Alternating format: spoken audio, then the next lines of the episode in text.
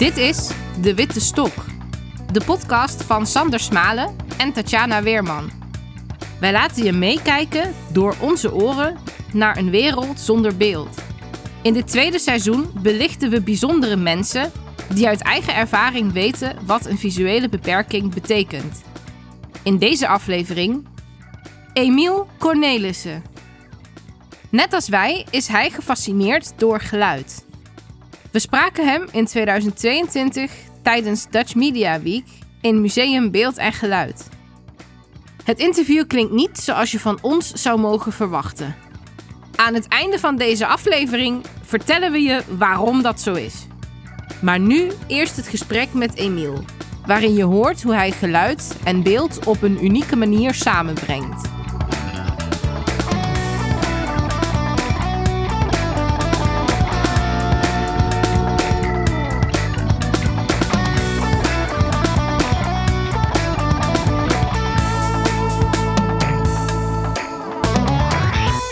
Zou je jezelf willen voorstellen? Ja hoor, ik uh, ben Emiel Cornelissen, 46 jaar.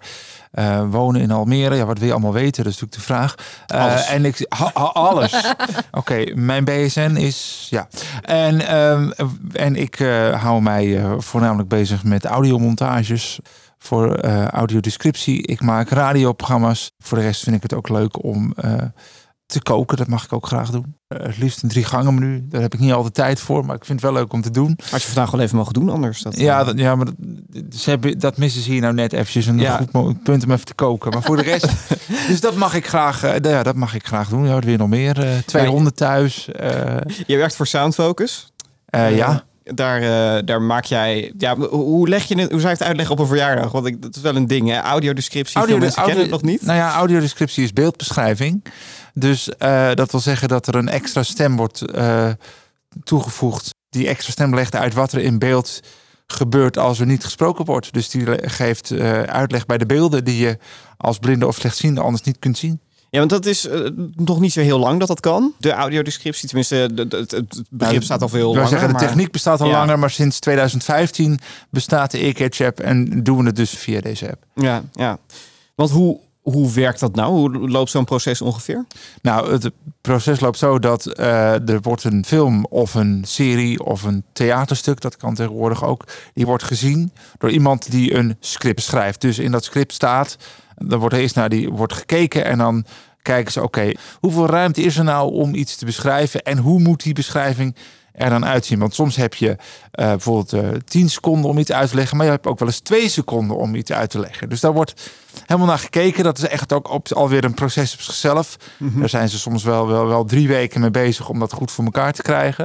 Als het script gemaakt is, dan gaat het uh, naar Soundfocus. Nou, daar zoeken ze er een, een goede stemacteur bij, want die moet het script gaan inspreken. En waar wordt het op gebaseerd? Wie een goede stemacteur? Um, stemacteur wordt gekeken van oké, okay, uh, soms komt de producent van de film of serie met een suggestie van we zouden graag die, want wij denken dat dat goed bij onze film past. Er wordt dan gekeken van oké, okay, wat voor soort film is het?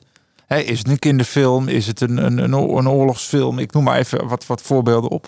Een, een, een documentaire, want dat vraagt soms weer uh, om een andere manier ook weer van inspreken. En als men dan een stem gekozen heeft, die komt dan naar de studio in, in Barikum van Soundfocus, die spreekt het in. Als dat gebeurt, dus komt het allemaal naar mij toe en dan ga ik ermee aan de slag. Ja, want hoe zit het? Jij krijgt, uh, gok ik dan maar zo, twee dingen. Dat is dan de film en dat is de audiodescriptie. Want het staat allemaal niet perfect op tijd. Het, het, ze proberen dat wel te doen. Ja. Dus dat proberen ze tijdens de opnames uh, wel te doen. Want er zit ook een, een, regisseur bij die dat dan regelt. Alleen, als een, en dat wil natuurlijk gebeuren als je een fout maakt. Dus, dus je spreekt iets verkeerd in of het moet nog een keer. Dan loopt het in principe gewoon door. Dus ze kunnen ja. wel stoppen, maar in principe gaan ze gewoon door. Omdat uh, het script wat geschreven is ook op, uh, wat noemen ze op tijdcode staat. Dus ze weten, oké, okay, op 4 minuten 10 moet ik dit en dit gaan inspreken. En dat is op zich al een vak apart hoor, om dat op tijdcode te doen. Want je moet dus precies weten wanneer je dus moet inzetten. En dan moet ook nog binnen de tijd die ervoor staat, die twee of tien seconden, moet je die inspreken. Dus... En degene die inspreekt, ziet de film of serie ook? Ja, ja, ziet, ja, die loopt mee. En die loopt ook de tijdcode mee. En die weet dus van oké, ik moet nu iets, iets inspreken. Ze hebben ook wel mensen die zeggen, oh, ik heb pas over een minuut. Dus ga maar door. Uh, een minuut later, dan hoeven ze er zeg maar wat ertussen zit, waar ze niks mee kunnen. Dat slaan ze dan over. Maar de meeste stemacteurs die laten hem gewoon doorlopen. Ja, dan heb je natuurlijk zelf ook een beeld. Weet je ook een beetje waar je moet inzetten en hoe je dat. Ja, en hoe en op een gegeven moment voel je natuurlijk ook. En de sfeer van En de, sfeer, want dat is wel belangrijk. Het is niet de bedoeling dat je als stemacteur helemaal de sfeer. Maar je, hey, eh, je, je moet niet op de stoel van de acteurs gaan zitten die in de film spelen. Maar je hoeft ook niet, dat gebeurt ook wel, heel monotoom alles in te spreken. Je mag best, als er iets spannends gebeurt, mag je dat best een beetje laten klinken in je stem, zeg maar. Ja, ik zeg altijd over audiodescriptie. De beste audiodescriptie, die hoor je niet. Dan vergeet je dat je eigenlijk naar audiodescriptie aan het luisteren bent. Ik heb het ook met, met luisterboeken, maar ja, dat, dat kan me zo voorstellen dat dat een ding is. Ja, maar dat is... Um, en dan, ik zet het inderdaad... Ik zorg dan dat het goed op plek staat. Alle, of alle, maar dat klinkt alsof het er honderden zijn. maar uh, versprekingen eruit, dat het ook klopt. Uh, met, want ik heb ook dat... Uh, script waar we het eerder over hadden, heb ik dus ook. Dus als ik denk van hé, hey, hoe zit het ook alweer? Dan kan ik het op het script nakijken hoe dat, waar het precies moet staan en hoe het moet staan.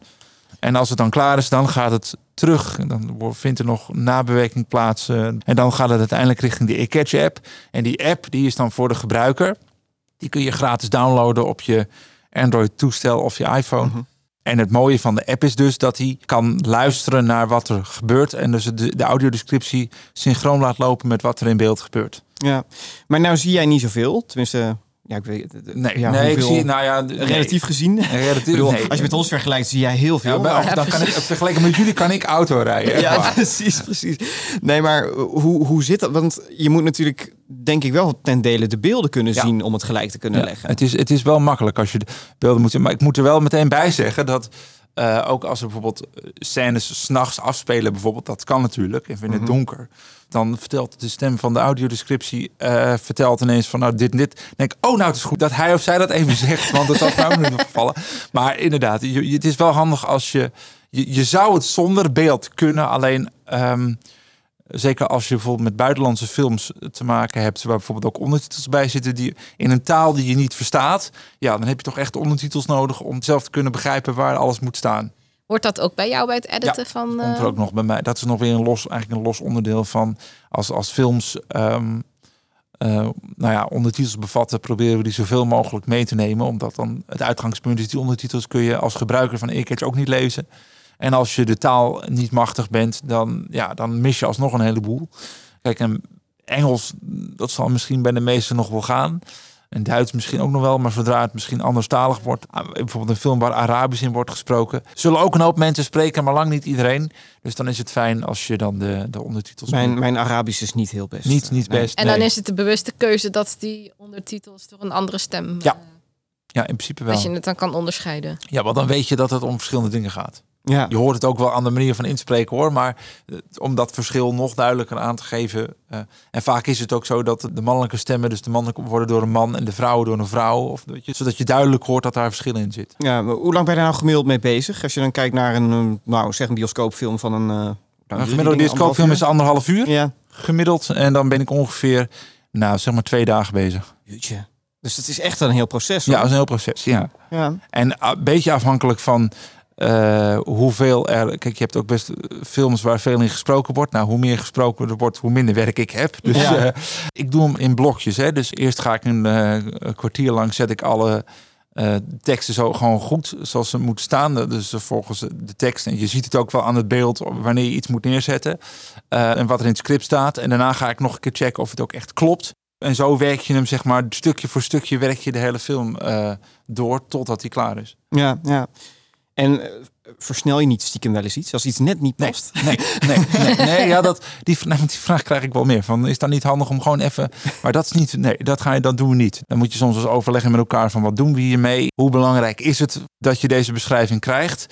Soms staat ook in het script erbij hoor, van hey, ik kreeg dit niet helemaal, maar het is wel zo belangrijk dat je hem dan ietsje laat doorlopen in een dialoog of iets waar je dat liever niet wil. Maar soms moet dat omdat de beschrijving gewoon belangrijk is voor de, de, ja, het verhaal of datgene wat er gebeurt. Wat zijn nou de leukste dingen om te doen? Waar geniet je nou zelf het meeste van? Het, het, het leukste vind ik de documentaires, omdat je daar vaak nog eh, nou, iets van opsteekt. Je denkt van, oh, uh, goh, dat wist ik niet. Of dat bijvoorbeeld uh, een tijdje geleden een, een, documentaire gedaan, die ging over een berg. Toen ik dat zag, dacht ik van hoe kun je nou een documentaire van anderhalf uur maken die over een berg gaat. Maar daar bleken dan weer mensen te wonen en hun eigen leven te hebben. Je denkt, oké, ja, dat, daar zou je normaal gesproken niet over nadenken. Maar ja, ja daar kom je dan op zo'n moment wel achter. En nou ja, voor die audiodescriptie, ik weet niet in hoeverre je daar iets over kan zeggen, maar wordt er dan ook naar het buitenland gekeken van hoe ze het daar doen? Van wat kunnen we daar in Nederland nog van leren? Uh, nou, ja, er, er, is natuurlijk wel uh, naar het buitenland gekeken, want in het buitenland bestaat het al veel langer. In Engeland bijvoorbeeld doen ze het echt al veel langer. Daar, daar, verbleken wij bij wat dat betreft. Duitsland ook. En in Duitsland ook, ja. Uh, maar nou, ik denk wel dat we uiteindelijk een eigen manier hebben gevonden om de audiodescriptie te brengen. Als ik ook wel eens naar andere want dat ga je dan toch doen. Als je bijvoorbeeld ja. Netflix heeft ook zijn eigen audiodescriptie bijvoorbeeld. Zij brengen het echt heel sec en heel af, ja, bijna afstandelijk zou ik zeggen. Klopt. En daar is iets, daar kun je over discussiëren wat een goede manier is van audiodescriptie. Hè? Want het idee is natuurlijk dat je als kijker van de film met audiodescriptie uh, je eigen beeld vormt. Alleen soms is het ook wel, nou ja, ik zou bijna zeggen onlogisch als er iets specifiek en er komt zo'n monotone stem doorheen, is het bijna storend in mijn beleving dan dat het echt helpt. Maar dat is mijn persoonlijke. Uh, ik weet niet. Ja, je, je, moet je kunnen, je jullie kunnen, zijn gebruikers van audiodescriptie, dus dat vind ik ook wel interessant. Nou, je moet je kunnen afstemmen op de serie, denk ik inderdaad. Ja. Hè? Um, ik vind bij, bijvoorbeeld Wie is de Mol een mooi voorbeeld dat uh, goed, Marlijn Weerdenburg, Marlijn Weerdenburg daar dan voor gevraagd is, die echt wel ook diep in het programma zit. Ook kandidaat geweest. Kandidaat geweest. Ja, en ook, ook ze doet er ook nog heel veel mee. Dat mol talk. Ja, uh, precies. Dat doet zij ook. Dus zij zit gewoon heel erg in het programma dat is inderdaad een heel goed voorbeeld van hoe kies je nou een goede stem bij een goed programma. Nou, dit is een heel mooi voorbeeld daarvan. Maar Earcatch bestaat nu een jaartje of zeven. Ja. Um, hoe gaat het nu met Earcatch? Nou, het gaat steeds. Het, fijne is natuurlijk dat um, er, hoewel er nog een hele weg te winnen is in het goed bekendmaken van Earcatch, zie je wel dat het steeds beter gaat. filmproducenten uh, zien ook steeds beter het belang van Earcatch in. Want in het begin krijg je toch wel de vraag van ja, maar is dat nou nodig? En hoeveel mensen maken daar nou gebruik van? En, en nou, dat kun je dus nu uh, steeds beter meten. Ja. Die producenten hadden zoiets van ja, maar wacht even, dan moeten we dan extra gaan doen en uh, ingewikkeld en moeilijk. Nou ja, en dat proces probeer je natuurlijk ook voor hun zo makkelijk mogelijk te maken. Ja. ja. En het, ja, weet je, en dan natuurlijk, het kost geld, maar op het budget van een hele film is het peanuts. Uh, want ja, zo'n film maken kost uh, miljoenen. Als je ook ziet hoeveel partijen er nodig zijn om überhaupt een film of een documentaire, nou ja, gewoon te maken. Want dat, is, dat kost gewoon heel veel geld. Ja. Maar daarom is het wel fijn dat steeds meer mensen gewoon het belang ervan inzien. Daar kom je soms ook later achter, zeg maar, dat het uh, toch heel fijn is als het erbij zit. Van, als het bij eerdere seizoenen niet bij zit, dan kijk je het wel eens op de gok. En op fantasie, zou ik maar bijna zeggen. En als je dan op een gegeven moment een volgend seizoen wel met audiodescriptie hebt, dan denk je van, hé, hey, maar dat heb ik eigenlijk allemaal gemist. Jij stipt nu ook meteen het belang aan van die audiodescriptie. Je hebt niemand meer nodig die, waarvan je aan moet vragen van... joh, wat gebeurt er nu eigenlijk? Ja. Nee, en je weet het op het moment dat de ander het ook weet. Hè? Ja, je, je kunt tegelijk lachen. Ja. ja. Dat is zo fijn als je tegelijk met, met goedziende kunt lachen in een bioscoopzaal. Ja, nee, maar nou, dat, daar is het dus ook precies voor. Precies om die reden is het ook eigenlijk uh, zo gemaakt. Zodat je gelijk met alles en iedereen alle informatie krijgt die iedereen uh, krijgt. Dus dat is het hele idee erachter. Ik weet nog toen ik dat voor het eerst meemaakte, de tranen stonden in mijn ogen. Ik denk, jeetje. Ik denk... maar wat dacht je in het begin? Je, je hoort dan, er komt de audiodescriptie. Ja, ik ben er al eerder mee opgegroeid. Bij de Duitse tv zit het redelijk uh, standaard in bij allerlei dingen. Dus, uh, en ik had zoiets juist eindelijk ook in Nederland. Nederland mocht wel eens opschieten wat jou ja, precies, precies, precies. Nee, maar dingen als, als, als de Duitse crimies of documentaires, daar zit het al vaak standaard bij in, bij een zogenaamd tweede kanaal.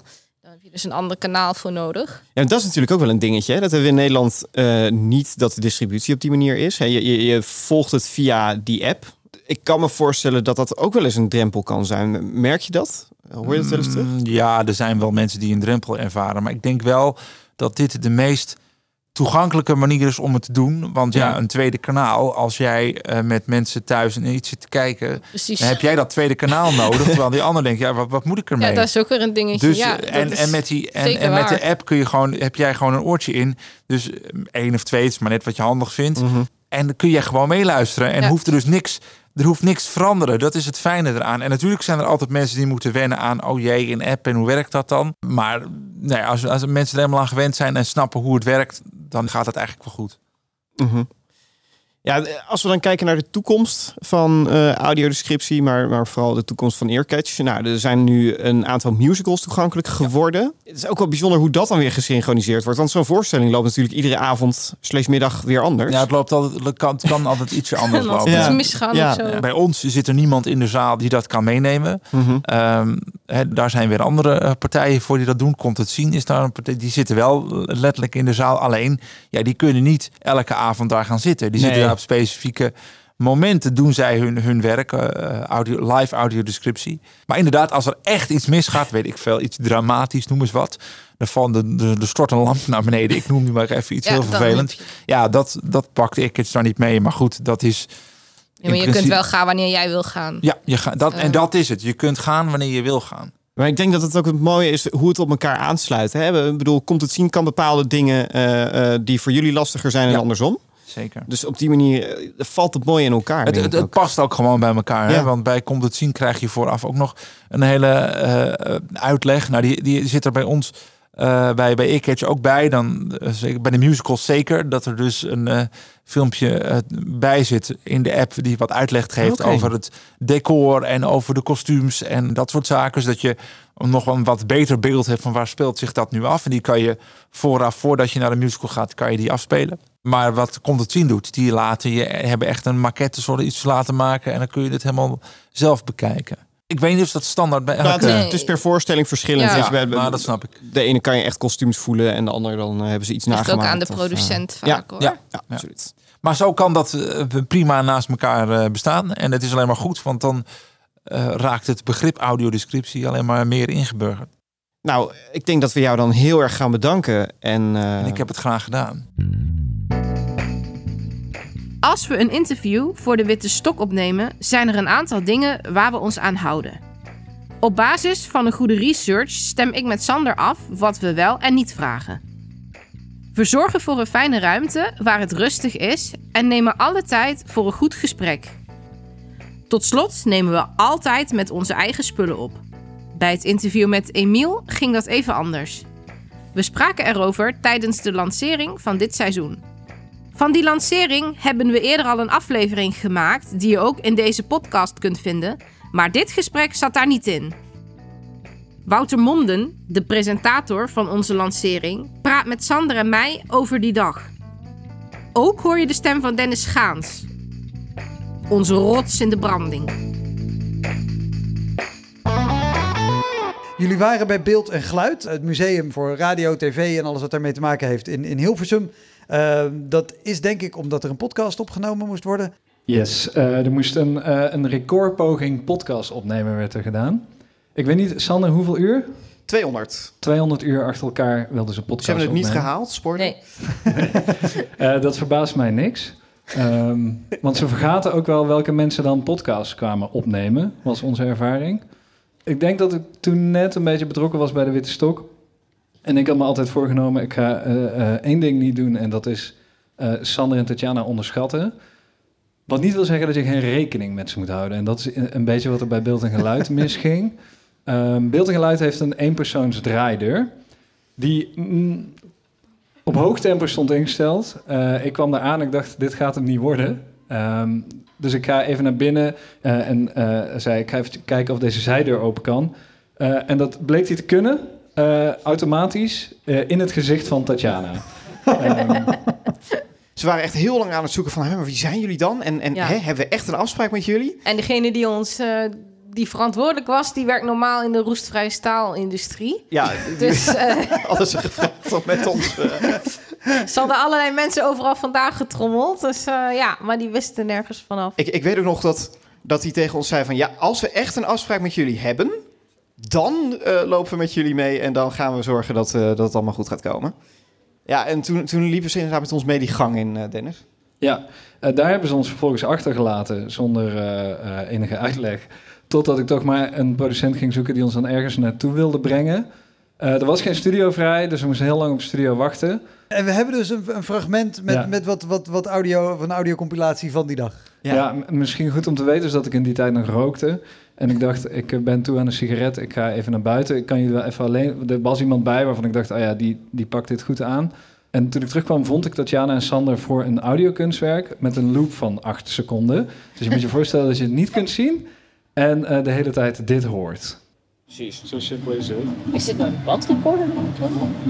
Ja, nee, het is eerder, de bandrecorder is eerder decoratief. Heb je het idee? Het is kunst, eh, Tatjana. Je mist er niks aan. Dat is ook een mooie audiodescriptie. Je wist er niks. Maar Sander, kun je iets. eens wat zeggen? Ja, dat wil ik. Hallo, ik zeg nu iets. Ehm, Hoor je jezelf goed genoeg? ik hoor mezelf echt vol keihard. Dus ehm ik ga aan een knopje draaien. Wie hoort draai Sander eens nu? aan een knopje. Draai eens aan een knopje. Ik. Het is gewoon gekoppeld aan de kanalen. Oh. Oké. Jij zou het deze moeten zijn, Sander. Ja, ik Nu ga even blijven praten. niet meer. Oh, dat is dus Tatjana dan? Ja, nu, oh, nu is die veel te hard. Ja. zijn jullie er klaar voor? Zal Denk ik het. aanzetten? Ja, doe maar het joh. qua microfoon? Denk het wel, Volgens toch? mij wel. Het? Sowieso is er altijd nog aan te editen. dus, Ja, eh, precies. Nou, je hoort, eh, eh, vol goede moed gingen wij daar eh, aan de slag. ja, het was ook een, een eh, opnametafel die... Nou, het was volgens mij touch. Of het, in ieder geval was het als blinde niet te bedienen. Nee. Eh, dus sowieso ben ik heel blij dat wij eh, de wijsheid hadden om, om Dennis mee te vragen. Ja, en ik ben heel blij dat je altijd een stick bij je hebt. Nou, absoluut. Ja, want anders hadden we dit gewoon niet, eh, niet gered. Hadden we die audio niet gehad. Dus, ehm, nou, organisatie... Wacht even, wacht ja? even. Want, want, want ik ben als podcastmaker ook altijd heel erg bang dat er iets misgaat met de Mhm. opname. Of dat ik... Ik heb laatst een live opname in een theater gedaan en de techniek zei, wij nemen het op. En die mailde na een week, sorry, er is iets misgegaan. Had je zelf nog een backup meedraaien? die had ik gelukkig. Oei. En ik hoor jou zeggen, Tatjana, gelukkig had je een sti- stick mee. Anders hadden we de opname niet. Wat, wat, wat was hier aan de hand? Nou ja, we namen dus op met de spullen van beeld en geluid. De spullen die daar aanwezig waren. En er werd ons niet verteld dat wij een geluidsdrager mee moesten nemen. Iets waar wij dus onze audio op konden opslaan.